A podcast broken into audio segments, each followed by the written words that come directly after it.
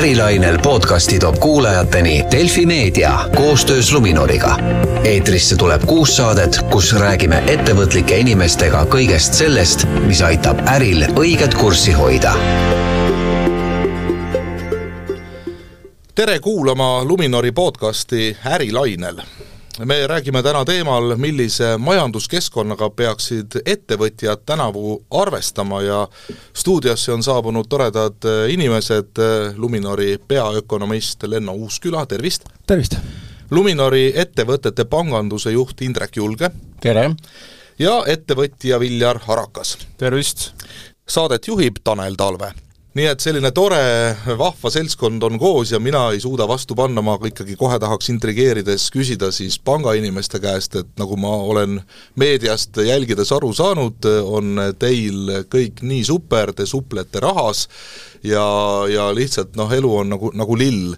mis muidugi tavainimesi ja teie kliente võib-olla liiga rõõmsaks ei tee. Ja, ja ma olen kuulnud, et siin mujal riikides on umbes samad küsimused ja, ja, ja vaata, et tullakse tänavatele varsti varsti, et mis seis meil siis nüüd äh, täna õigupoolest on? no pankade kasumid peavadki suured olema, sellepärast pangad on väga suured ettevõtted ja kui nad ei ole kasumlikud, siis äh, mina hoiustajana oleksin mures äh, oma raha hoidmise pärast ettevõttes, kes ei suuda kasumlikult majandada. aga natukene võib-olla teemasse sisse minnes, siis eks need äh,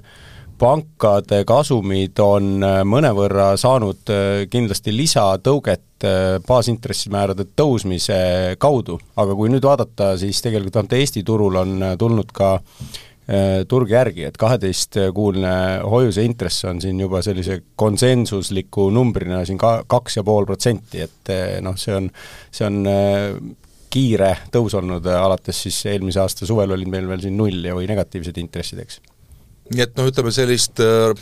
lihtinimese pahameelt äh, noh, ei, ei tasu võib-olla liiga palju siis äh, noh, oodata või, või, või kuidas te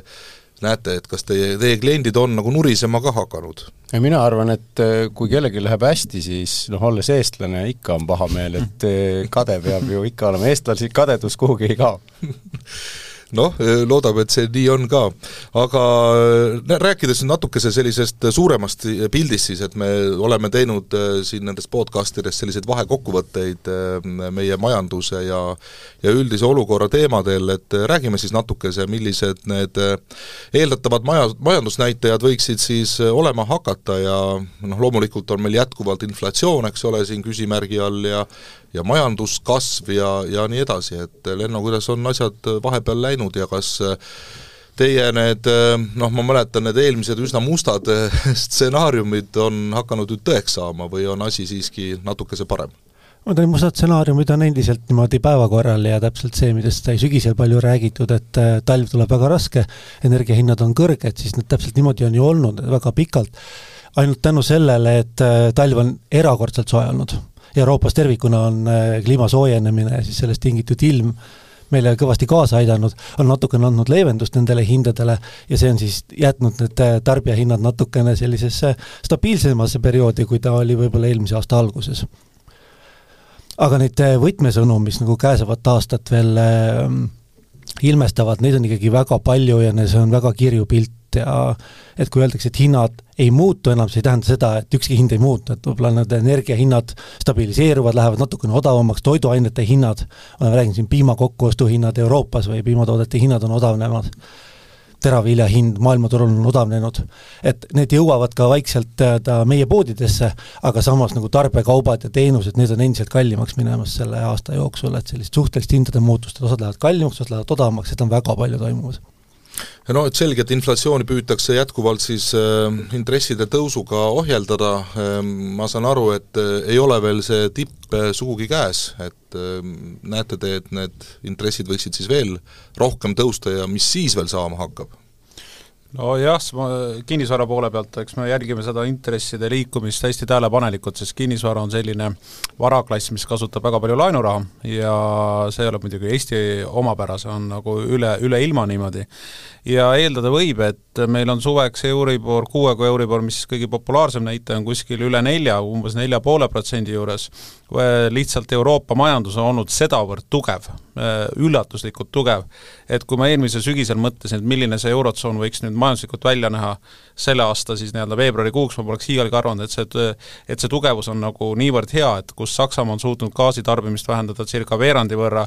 kõik laod või nii-öelda maa-alused tanklad on seda, on LN-, LNG-st saadud gaas jälle täis, on ju, hinnad on, hinnad on alla tulnud ja samas nagu tööhõive on niivõrd tugev, et Euroopa Keskpangal ei jää mitte midagi muud üle, kui ainult intress edasi tõsta. mis Eesti jaoks tähendab, on see, et Eesti inimestel on laene umbes kaheteist miljardi euro eest, sellest umbes kümme miljardit on kodulaenud ja ülejäänud on siis liisingud, tarbimislaenud ja nii edasi. Üheksakümmend protsenti üle selle on ujuva intressimääraga, et, et kui nüüd siia panna nagu nii-öelda kiire tehe peale, et kui see Euribor on näiteks neli, neli pool protsenti, siis see viib majapidamiste käest raha ära umbes poole miljardi jagu aastas Äh, mis siis ennem kasutati millekski muuks, ma ei tea, reisimiseks, meelelahutuseks, parimal juhul investeerimiseks, kes, kes kuidas. Ja ega ettevõtete pool on see, on see situatsioon sama, lihtsalt see on uus reaalsus, sellega tuleb harjuda. Ja paraku need äh, ajalugu õpetab, finantsajalugu, eriti seitsmekümnendate aastate Ameerikast, et selleks, et inflatsiooni alla saada, peab keskpank seda žgutti majandusel peal hoidma pigem kauem kui vähem. Et äh, seitsmekümnendatel USA-s mängiti sellega, et nii kui inflatsioon hakkas natuke alla tulema, Nixon äh, poliitiliselt manipuleeris kogu aeg keskpanga juhti, hakati kohe intressi alandama ja sealt tegelikult lõpuks keerati veel suurem jama nii-öelda kokku, mida siis Paul Volcker lahendas üle, üle kümneprotsendise baasintressimääraga, et, et et sellest õppides siis me peame sellega harjuma, et see kõrge intressimäär on siin pigem kauem kui, kui vähem ja sellega tuleb kõigil kohaneda. kas siin nagu seda ohtu ei ole, et pingutatakse nagu üle natukese, et hoitakse seda žgutti liiga tihedalt kinni ja, ja noh, ütleme see reageerimine võiks olla võib-olla selline pisut kiirem nii ühes kui teises suunas? me peame peame aru saama, Eesti Eurotsooni majanduse nii-öelda Eurotsooni pildi juures on täiesti ebaoluline, eks, et, et küsimus on selles, mida teeb Saksamaa, mida teeb Prantsusmaa ja mida teeb Itaalia. ma arvan, et seal ei ole see asi üldse nii hull, sest ka seal näiteks eratarbijatel on paljud laenud on fikseeritud, et seal meie, meie kultuuri osa on aegade algusest peale olnud see, et pangad annavad laene pigem ujuva intressimääraga, siis kontinent Euro Euroopas on see pigem olnud fikseeritud äh, intressimääraga, ei tasu öelda, et üks on parem või halvem, lihtsalt muidugi kiire intre-, intressitõusu valguses äh, meie oleme need, kes siin kannatavad, aga aga et nüüd äh, Frankfurdis siin Tallinna, Riia või Vilniuse pärast pisaraid valatakse, seda ei tasu nagu arvata, jah see Euribori kõrge tase on pigem ikkagi hea uudis kui halb uudis, et äh, see on vajalik selleks, et seda hinnatõusu alla saada. ja hinnatõusu allasaamine on, on hea uudis, et siin võrreldakse natukene seda äh, rahapoliitikat äh, alkoholiga, et, et kui nii-öelda langetad intressi või nagu jood, et siis on nagu esialgu hea, aga pärast tuleb äh, see hetk, kus on peavalu, on ju. täpselt samamoodi on intressitõusuga, et, äh, et esialgu on väga halb, aga siis parem hakkab pärast. et noh, nagu, et kui sa lõpetad alkoholi joomise, esialgu on nagu valus, aga et siis äh, no, lõppkokkuvõttes on ikkagi parem, et, et, et see on nagu see, et sa pead nagu natukene väga, väga tore näit-, näitlikustamine jah, lihtsalt ma, ma juhin tähelepanu, et siin on üks väikene moment, et see see joodi, kellest me praegu räägime, see peaks ellu jääma. nagu noh, enne kui see kutt ma korra küsin ühte küsimust veel intressimäärade koha pealt just, et äh, mina arvan, et olulisem sellest, kui kõrgele ta mingiks hetkeks ronib, on see, et kui pikaks ajaks ta kõrgeks jääb, et mis, mis selles osas vaated on? no ma jah, ma olen seda nüüd, seda küsimusele ise otsinud vastust või üritanud vastust leida, et, et see on tegelikult, ma arvan, üks kõige olulisemaid küsimusi, mida see aasta küsida. ja vaadates finantsajalugu nagu tagasi, siis tegelikult ega paremat näidet kui see seitsmekümnendate aastate Ameerika äh, Äh, situatsioon oli, tegelikult ei ole ja, ja noh, sealne õppetund on ikkagi see, et äh, keskpank peab olema veendunud intresside alandamiseks sellest, et äh, hinnatase on püsivalt madal. eks see tähendab seda, et täna me maksame poes kõrget hinda, see jõuab statistikasse paarikuuse viitega ja selleks, et ta nüüd olla, hakkab, hakkaks allapoole tulema ja ta peab seal allpool juba mõnda aega olema, et tekiks piisav kindlus, et nüüd, kui me selle skuti maha võtame, ei, ei hüppa see tuhande peaga inflatsioonilahe jälle ellu, selleks läheb umbes kuus kuni üheksa kuud aega, juba sellest hetkest, kui see inflatsioon on all, alla toodud. Aga samas ma pean ütlema, me oleme täna jälle nii erakordses situatsioonis, et, et see seitsmekümnenda aastate näidet ei tasu võtta nüüd ainult,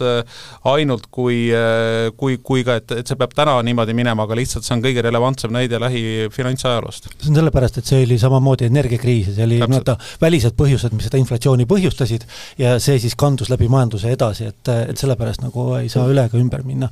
see, mille pärast Keskpangal on vaja pikalt hoida seda hinnatõusu all, enne kui ta hakkab intressi langetama, on inflatsiooni ootus. see, kui palju ettevõtted ootavad, et hinnad tõusevad. selle järgi hakatakse hindu seadma. Kui sa ootad hinnatõusu, siis nad tõstavad hinnatõusu, tõstavad hindu ja sellega sa saad hinnatõusu, et ja hinnatõusu ootus on see kõige keerulisem asi, et noh, kustkohast see tuleb, et kui sa aknast välja vaatad või noh, seda ei ole, et siis niisugune viimase kaheteist kuu inflatsioon on ajalooliselt päris hea hinnatõusu ootus olnud. Ja siis, siis ongi niimoodi, et see peab olema terve aasta madal selleks, et oleks see veendumus no inf-, inflatsiooni üks selliseid noh, üsna tugevaid mõjutajaid on ikkagi ka energiahinnad, eks ole, teatavasti, et et kuidas me selles osas nagu siin näeme, et mis, mis juhtuma hakkab, et, et kui kaua need kõrged energiahinnad siis seda ka inflatsiooni üleval hoiavad ja kas seda ravida saab üldse siis ne, väga palju nende intresside tõusmise ja hoidmisega? väljavaade energiahindade osas on tegelikult äh, suhteliselt sant. Nad on praegu, noh, gaasi hind on Euroopas odav, aga ega meie seda nüüd päris selle hinnaga ei saa hetkel äh,, nafta hind, see kaheksakümmend, me juba nagu tunneme, et on päris hea, aga no tegelikult on ikkagi kallis ja sinna kantide võib vabalt jääda, arvestades seda, et Hiina on vab- äh,, avanemas. Ta hakkab uuesti tarbima, ta ei ole vahepeal tarbinud, sellepärast oli jälle. Venemaa on ikkagi naftaturult väljumas samm-sammult, mitte meie sanktsioonide tõttu, aga lihtsalt nende tootmisvõimsus hakkab äh, langema. et siis ei ole seda kohta, kus saaks nagu väga palju energiat juurde, rohetehnoloogial põhinevad investeeringud, neid hakatakse nüüd tegema, need jõuavad võib-olla viie või kümne aastaga valmis ja seal on endiselt see suur küsimärk, et kuidas sa salvestad selleks hetkeks, kui ei ole päikest ja tuult. nii et seal on nagu suur tehnoloogiline küsimärk ja seda me ei ole lahendanud ära praeguseks, meil ei ole isegi mitte tehnoloogilist lahendust, rääkimata sellest, et me ei ole ehitama hakanud, on ju, et et seda hüplikust on väga palju ka tulevikus võimalik energiahindade osas. eks tänane mure ongi see, et äh, küsimus ei ole enam energ-, energiahindades. see oli see, mis selle inflatsiooni alguses üles viis, tänane see energiahindade nii-öelda komponent seal on, on see, mis toob seda nagu inglise keeles nimetatakse headline eh, inflatsiooni või siis seda eh, tarbijahinnaindeksi nagu püsinumbrit nagu üle, allapoole, aga ta on juba majanduses laiali, et nüüd ta on nagu nii-öelda selles alusinflatsiooni kallal. see tähendab seda, et kõik restoranid, kohvikud, ma ei tea, tootjad, kõik on juba tänu sellele oma hindu korrigeerinud ja seda tagasi keerata on nagu oluliselt keerulisem, kui nii-öelda lahendada energiapõhist äh, äh, inflatsiooni kasvu ja sellega peavad, nagu jah, nagu enne ütles, täpselt keskpangad peavad tegelema selle ootuste allatoomisega ja see võtab aega. Seal on väga suur kommunikatsiooniprobleem Keskpangal sellega, et nad räägivad, et nad eesmärgistavad inflatsiooni, seda kogu hinnatõusu. ja siis taustal käib kogu aeg see, et me võtame sealt energia ja toidu välja ja siis vaatame, kui palju ülejäänud kaubad kallinevad ja reageerime selle järgi. see oli põhjus, miks terve kaks tuhat kakskümmend üks ei tõstetud intressimäära, tegelikult hinnatõus pani otsemaid üles. terve aasta jooksul ja Euroopa Keskpank eriti, USA-s natukene vähem öeldi, et me istume käed taskus, see ei ole nagu meie rida. aga räägiti samas, et on inflatsiooni äh, juhtimine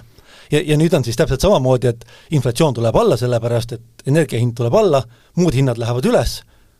aga vaata, me ikkagi ei langeta, sellepärast me vaatame seda teist. et siis on nagu väga raske seletada, et mida siis tehakse ja, ja miks tehakse. no Estonian Cell äh, teatas siin just äh, äsja, et paneb jälle oma tootmise seisma ja tõi just nimelt need kõrged energiahinnad jätkuvalt äh, põhjenduseks, no selge, et energiamahukas tootmine ja nii edasi, aga mis meie ettevõtetest siis üldse saab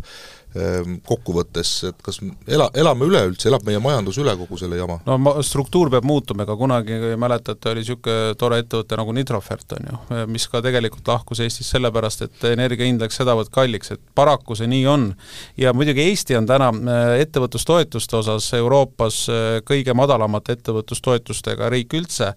mis iseenesest ühtepidi jaa, ega minu arust ettevõtlussektor ongi see, keda ei pea, peaks toetama, eks, aga aga teistpidi, kui nüüd see nii-öelda mänguväljak on nii ebavõrdne Euroopa-siseselt. Et teised seda teevad ja meie ei tee, siis meie nii-öelda suhteline konkurentsipositsioon ühisturul selgelt halveneb.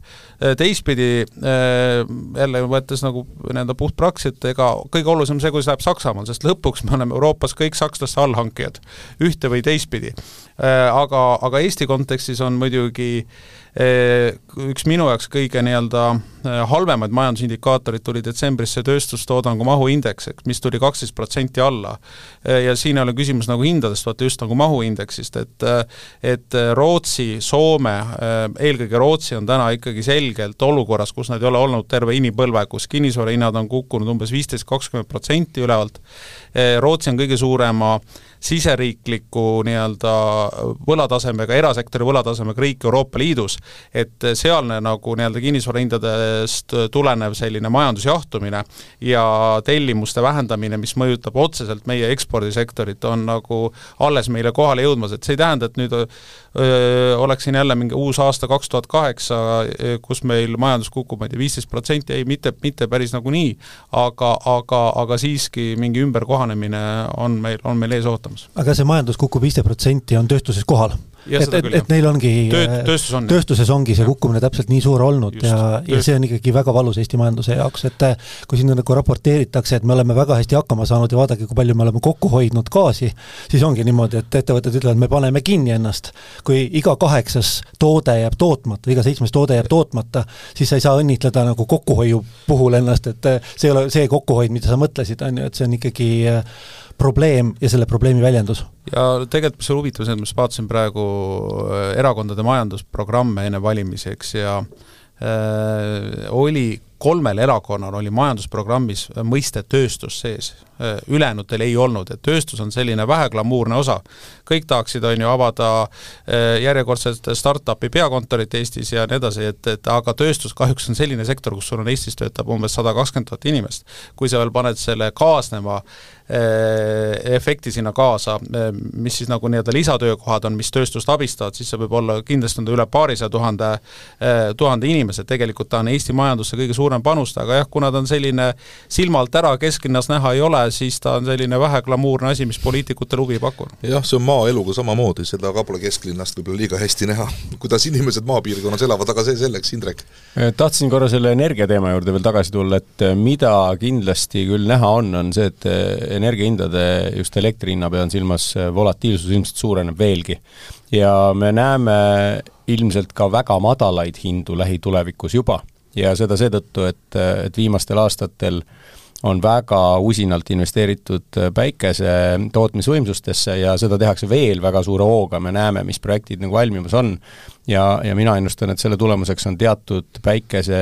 tipptootmistundidel energiahinnad nulli lähedal või nullis. ja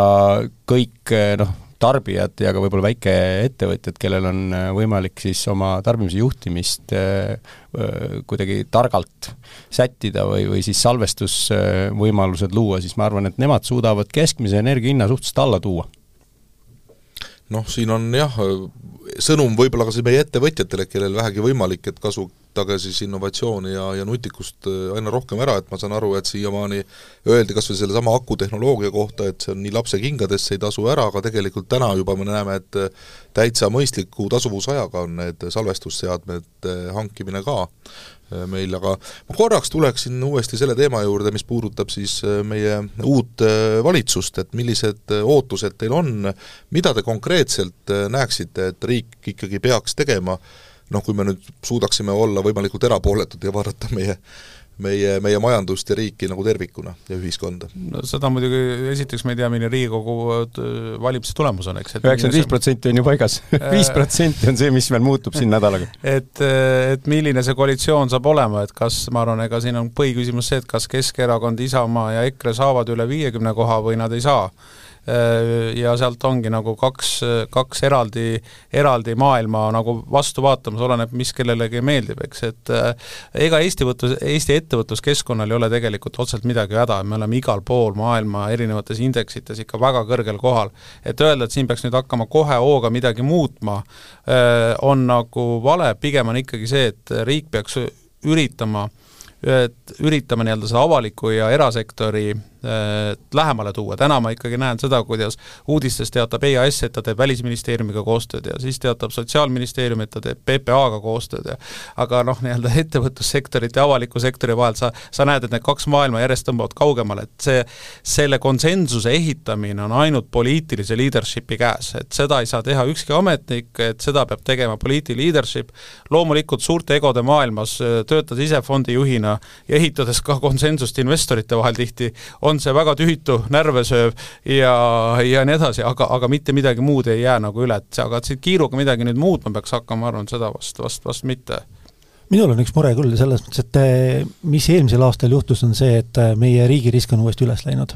ja Eestis peetakse ikkagi natuke selliseks riigiks, kuhu ei julgeta tulla sama hästi, et eh, seda on näha nii investorite osas, kui seda on näha turistide osas. isegi suured turismifirmad ütlevad, et, et väga tore, et te tahate turiste kutsuda, aga sel aastal me ei tule, järgmisel aastal räägime uuesti. et vaadates seda, kui kalliks on läinud riigi laenu võtmine võrreldes Euroopa keskmisega, Euroopa tublide riikidega, kuhu me tegelikult peaksime kuuluma oma võlakoormuse järgi ja finantsvõimekuse järgi, kui kalliks on läinud ettevõtete võlakirjad, mis nad rahvusvaheliselt äh, välja annavad, siis see on tõsine probleem, et meil on vaja sellist uut kampaaniat, uut imidži loomist, mis äh, tooks selle riigiriski alla, kus meie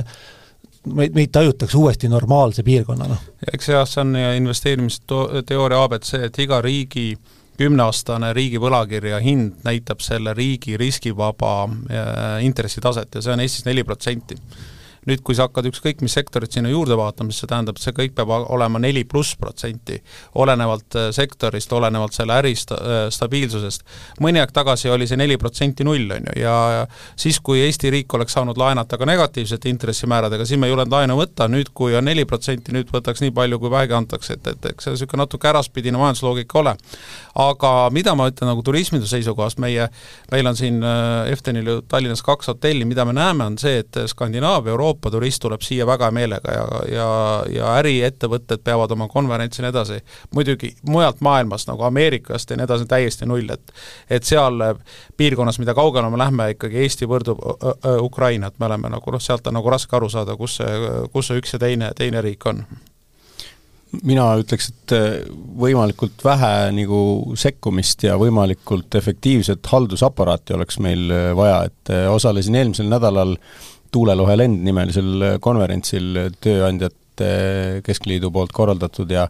ja seal oli üks niisugune huvitav äh, fakt toodi välja, et äh, üks tänastest suure tõenäosusega Riigikokku pääsevatest erakondadest tundis oma programmi loomisel huvi Tööandjate Keskliidu soovide vastu et mida nagu ettevõtjad ja tööandjad näeksid, mida peaks tegema, teised äh, olid pigem, et äh, kui Tööandjate Keskliit nende poole pöördus, siis ah okei okay,, hea küll, me kuulame siis teid ka ära, et kuidagi see, see eraldumine nagu päris reaalse majanduse ja poliitikute eraldumine on minu meelest järjest suurenev ja nad on nagu mingis oma maailmas, äh, elavad viimasel ajal ja võitlevad üksteisega ja unustavad nagu riigi kohati ära. mul on selle kohta oma hüpotees, mis vajaks nagu nii-öelda testimist, aga ettevõtlustulu teenivaid inimesi Eestis on umbes paarkümmend, kolmkümmend tuhat kes siis, kes siis on nii-öelda omaniku tasandil, teenivad ettevõtlustulu. Meil on vanaduspensionäre kolmsada pluss tuhat, ehk ühesõnaga see vahe on umbes kümme korda. valimised on sport, kus tulemus mõõdetakse häältes. ettevõtjatega nagu see asi, et, et nende nimel ei peagi pingutama sest kui ükskõik kui ilusa äh, programmiga ei kirjuta sotsiaaldemokraadid kokku majanduse osas, on ju, vaevalt et nad ettevõtjate käest häält saavad ja ja kui Reformierakond jätab selle üldse kirjutamata, siis ma arvan, nad võtavad ikka oma, oma hääled ära, on ju. et, et tegelikult seda näha, et, et erakondade tasandil ettevõtjate häälte nimel vaeva ei nähta, ma ei, ma ei heida seda otseselt ette nendele, kuna tõesti hääled peituvad nagu mujal, on ju, need nii-öelda suured, suured klotsid justkui, kust võimalik valimisedu saada, on mujal, aga, aga noh, sa, sa, sa samas see nii-öelda see majanduslik pool, mis siis, kust need maksutule, tulu, tuleb, on ju, sellele tähelepanu pööramine jääb järjest sekundaarsemaks, sellest on loomulikult kahju, jah. ei no see ilmselgelt ju ettevõtjad ise võtavad poliitikute ühendust, et ja toetavad neid, et et see on natukene teistmoodi kui pensionärid, tavaliselt pensionärid ei tee paarikümne tuhandelist annetust erakondadele, et selles mõttes see maailm päris nii-öelda võrdne ei ole, aga usaldus valitsuse ja valitsuse institutsioonide vastu on üle maailma kahanemas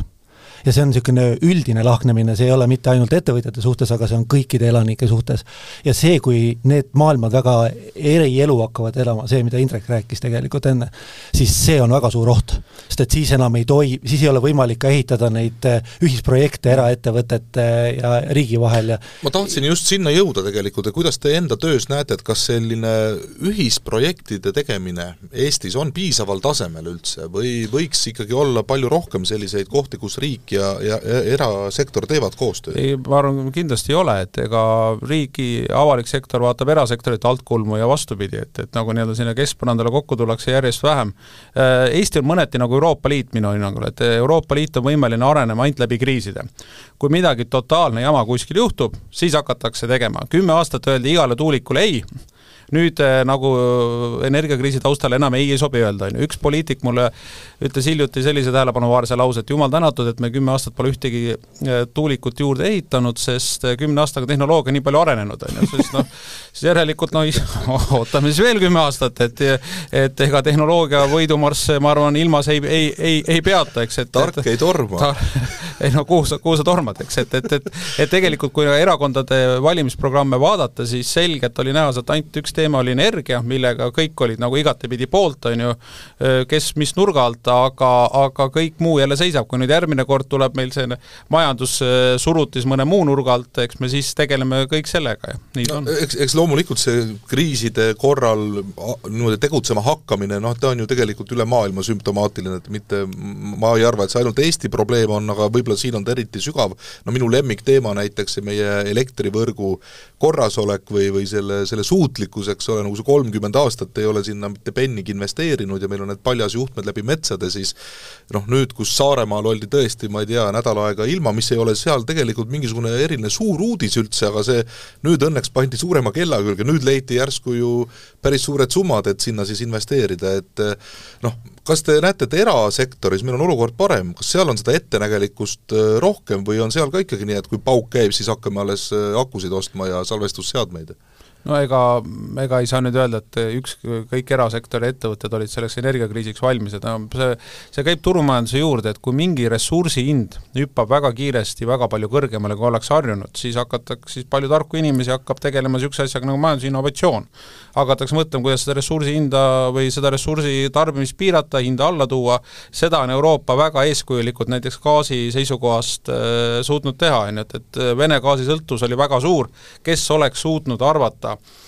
eelmise aasta sügisel, et Euroopa elab selle talve niimoodi üle gaasi mõistes, nagu me oleme seda tänaseks teinud, et leitakse LNG, LNG nii-öelda asendused, tõmmatakse nii palju tarbimist kokku ja nii edasi, nii et selles suhtes on tegelikult ideaalne näide, kuidas äh, erasektor reageerib äh, ressursi kallinemisele. seal oli ikka ilm väga suureks abiks, seda tegelikult sügisel ikka väga hästi teati, et õnn peab alati soosima, jah ja,. aga ma olen küll nõus sellega, et ei ole väga ratsionaalne see mõtlemine tihti, et me pakkusime siin eelmisel aastal seal aktiivselt äh, enne intresside määra järsku tõusma hakkamist intressi swap'e ehk siis võimalust intress fikseerida kolmeks kuni viieks aastaks. Äh, hakkasime pakkuma kuskil poole protsendi pealt, ühe protsendi pealt ja siis öeldi, et ei, ei, mis ma nüüd enam fikseerin, nüüd ju järelikult on maksimumlagi on saavutatud ja nüüd saab ainult alla tulla ja täna on võimalik viieks aastaks oma intress fikseerida umbes niisugune kolme protsendi juures baasintressis. ja noh, Viljar just rääkis, et jõuame seal nelja poole juurde, mis te arvate, kui paljud täna sellise ratsionaalse kindlustuse ostavad? mitte vist väga palju. Viljar, miks ei osta? ja väga õige, ma tegelikult, äh, see on mu üks eelmise aasta üks suurimaid vigasi, et äh, meile pakuti ka võimalust oma laenuportfelli, mis meil Eftenis umbes viissada miljonit eurot kõikide äh, fondide peale kokku fikseerida no poole ulatuses umbes ühe protsendi juures ja mul jätkus mehisust öelda ei, eks ja ma ei ole siin kuidagi nagu ainuke, see oli eelmise aasta kevadel, et see, et keskpankurid hakkasid suves nagu niimoodi liigutama, nagu nad hakkasid, see tabas kõik üllatusena, sest terve kümnendi oli turg harjunud neid kogu aeg peksma, et te nagunii ei tee mitte midagi, te ainult trükite raha juurde, te ei, mitte kunagi ei hakka seda intressi tõstma ja selles letargias olid väga-väga paljud. nüüd fikseerimisega on alati see, kui sa fikseerid, siis tee seda kohe alguses ja võimalikult kiiresti, eks. mida ma nägin näiteks eelmisel suvel meie üürnike baasil, et meil on mõned suured väliskontsernid, kellele kuulub, kes siis üürivad tervet ühte hoonet meie käest, palusid siis suved energiahindade tipus fikseerida oma elektrienergia kes kolmeks, kes viieks aastaks, nüüd nutavad silmad peast, et kuidas sellest lepingust nagu välja saada, eks. et, et nii-öelda eh, turu tipus fikseerida on nagu kõige rumalam hetk üleüldse, aga ma pean tunnistama, et eh, me magasime selle eelmine aasta maha või me ei uskunud, tähendab, siiralt mina ei uskunud, et keskpankurid hakkavad niimoodi käituma, nagu nad on hakanud, et vale arvestus, jah. turu tipu saab ainult pärast teada, seal ei olegi nagu mingit muud teadust, et me ikkagi terve kevade elasime selles arvamuses, et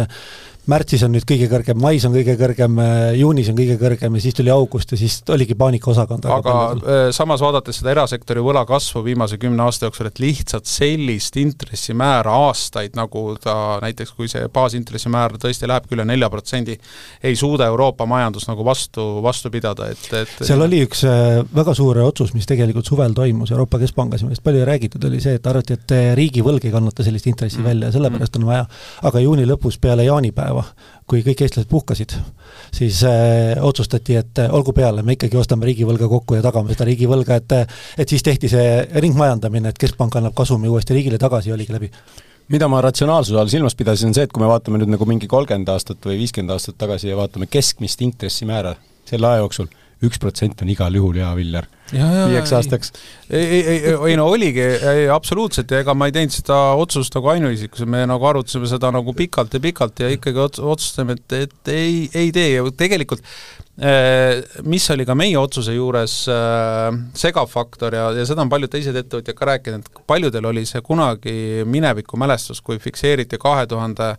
kaheksanda aastal ja see, ja sellega lõigati nagu väga pikalt endale nagu nii-öelda sõrme, eks. et, et see oli see, ja meil oli tegelikult samamoodi, see oli meil lihasmälus kuskil nagu sees, et parem oleme selles ujuvas keskkonnas, eks, aga, aga loomulikult tagantjärgi targana oli see üks eelmise aasta suuremaid valeotsuseid meil, jah. no kuulge, elektrihindade teenustega on ju sama noh, jama, kui nii võib öelda, eks ole, noh et siin universaalteenus oli korraks päris tore asi, nüüd on ju börsihind madalam kui see no, riigi poolt pakutud abi. jälle see universaalteenuse näide on tegelikult see, et mulle tuli meelde Milton Friedman, äh, kes ütles kunagi, et kui valitsused pannakse hoolitsema kõrbe eest, siis mõne aasta pärast on see liivadefitsiit, eks, et, et noh, see on see täpselt sama, et võetakse nagu head kavatsused kõik, aga, aga jälle välja kukub suht keskmiselt, on ju, et, et ma olen, mina loobusin universaalteenusest ja ma saan aru, et neid inimesi on tuhandeid ja tuhandeid, kes oma kodumajapidamuse sellest loobu-, loobusid, aga sa võtsid selle siis? see alguses äh, pandi ju Eesti Energia kliendil minu arust viidi kõik sellele üle, et ma lihtsalt siis läksin börsipaketi peale tagasi.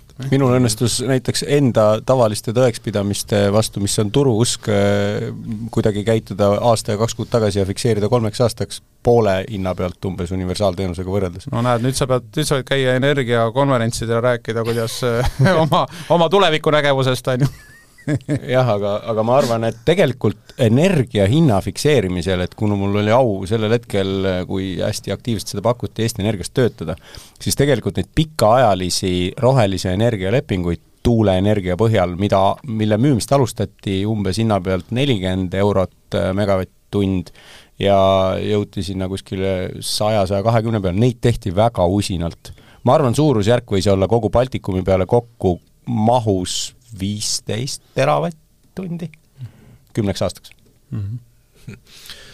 Teate, meil hakkab äh, saate teine pool juba ka lõpupoole jõudma vaikselt, et ma tahaksin veel korra tulla sellise teema juurde nagu äh, palgasurve, sest noh, teatavasti on see väga tähtis asi nii ettevõtjatele kui ka siis töövõtjatele. Äh, mis arenguid te selles valdkonnas siin näete? siin on väga kiiresti on näha seda sellest, kui lihtne on Eestisse töötavaid tuua, töötajaid tuua sellepärast et kui hinnatase on kakskümmend protsenti vahepeal hüpanud, siis seesama palk, mis aasta aega tagasi pakkusid, ei pa-, ei ole enam sama ahvatlev nendele inimestele, kes on tulemas. et kui kohalike puhul veel nagu, et kannatab ära, siis inimene, kes otsustab, kas tulla või mitte, siis seal on väga selge muutus toimunud. teine asi, kui võtta selle nii-öelda, jätame selle tippspetsialistid välja, keda on alati vähe puudu ja keda on ka raske nagu juurde toota, et äh, haridusprotsess võtab oma aja, näiteks teenindussektoris ikkagi see Ukraina kriis on äh, olnud loomulikult üks teenindussektori päästjaid, vähemalt hotellide baasil me saame küll öelda, et et loomulikult need põhjused, miks Ukraina inimesed siin on, on nagu õõvastavad, on ju, me saame kõik sellest aru, eks, aga aga tegelikult see, et meil on tulnud nagu nii palju lisakäsi justkui tööturule juurde, on hoidnud ära äh, ettevõtjate seisukohast siis nagu hullemast, eks. Sa-, selgelt see äh, palgasurve on funktsioon tööjõupuudusest, et kui meil kui meil nagu tööpuudus on hästi madal, tööjõudu on vähe, loomulikult kõik, kõik see liigub, liigub ainult, ainult üles ja see on näiteks Eesti Eestiks, et see on nii väike nagu keskkond, et aga Eurotsoonis ollakse täna äh, tööpuuduse osas rekordmadalatel tasanditel, et, et see ongi see koht, mida tegelikult ka Euroopa Keskpank Frankfurdis kardab, et ettevõtjatel pole töötajaid kuskilt võtta, ametiühingutel on väga tugev jõud täna nagu ettevõtjaid suruda, sellest tekib jälle uus inflatsioonispiraal ja sellepärast tõstetakse intresse, intresse järjest edasi aga mis meist siis ikkagi saab kokkuvõttes, et ma saan aru, et see on perspektiivi küsimus, kummalt poolt äh, vaadata, eks ole, sest et paljud inimesed, äh, kes on lihtsalt äh, töötajad, nemad arvavad jälle, et noh, ongi õige aeg, kui need megakasumitega ärimehed peaksid nagu meile ka rohkem oma seda rikkust jagama, ja, ja ettevõtjad vaatavad tihtipeale, et kuidas üldse ellu jääda sellise palgasurve tingimustes, et et äh, on, on siin ka mingit lootust või ma prooviks seda saadet kuidagi nagu helgemate toonidega lõpetada, aga kindlasti ma ütlen, mina, ei, see ei ole üldse nagu, vaata, öeldakse, et äh, pessimist on informeeritud optimist, on ju, et ega selles suhtes et äh, ei, see ei tähenda üldse, et et nüüd maailm nagu ära lõpeb, pigem mina just vaatan seda teistpidi, et saabumas on võimaluste aeg päris palju nii-öelda neid ärimudeleid, mis toetasid odava raha tingimustes või nullintressi tingimustes, enam ei tööta, äh, päris palju nii-öelda varaomanikke mängitakse selles ajas ümber, et kui te vaatate ka näiteks kahe tuhandete al-, aastate alguse Ameerikat, kui äh, oli see dotcomi mull, ennem kui hakkas, või tähendab, kui Fed hakkas intresse tõstma, siis hakkas majanduses asju juhtuma. praegu hakkab ka majanduses asju juhtuma, mida me ei ole kümme aastat näinud, et tegelikult on saabumas võimaluste aeg, et olge ainult mehed-naised tublid ja minge võtke oma, oma osa nendest muudatustest. noh, aga nüüd prooviks konkreetsemaks minna, et mis ma nüüd tegema pean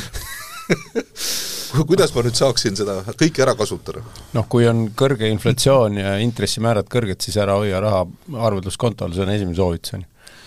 ja noh, pane lühiajaliselt depositi, mina olen sedagi teinud, aga tegelikult ole valmis selleks, et ma arvan, selle, sellele rahale tekib siin peale suve päris häid ostukohti erinevates varahindades, et et see kindlasti vara hindasid muudab ja selleks lõikusperioodiks tasuks nagu valmis olla.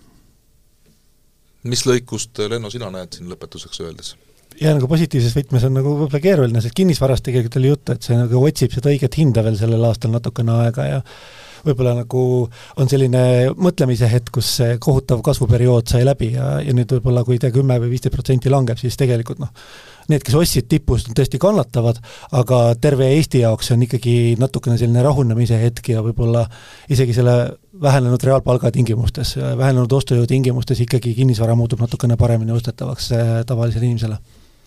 Ma tahaks ühe, omalt poolt ühe huvitava teema püstituse veel teha, kui meil aega on, et et olen tehnoloogia inimeste käest kuulnud, et äh, chat äh, GPT näol avaldunud äh, siis nagu kasutamisvalmis tehisintellekt võib tuua tehnoloogilises mõttes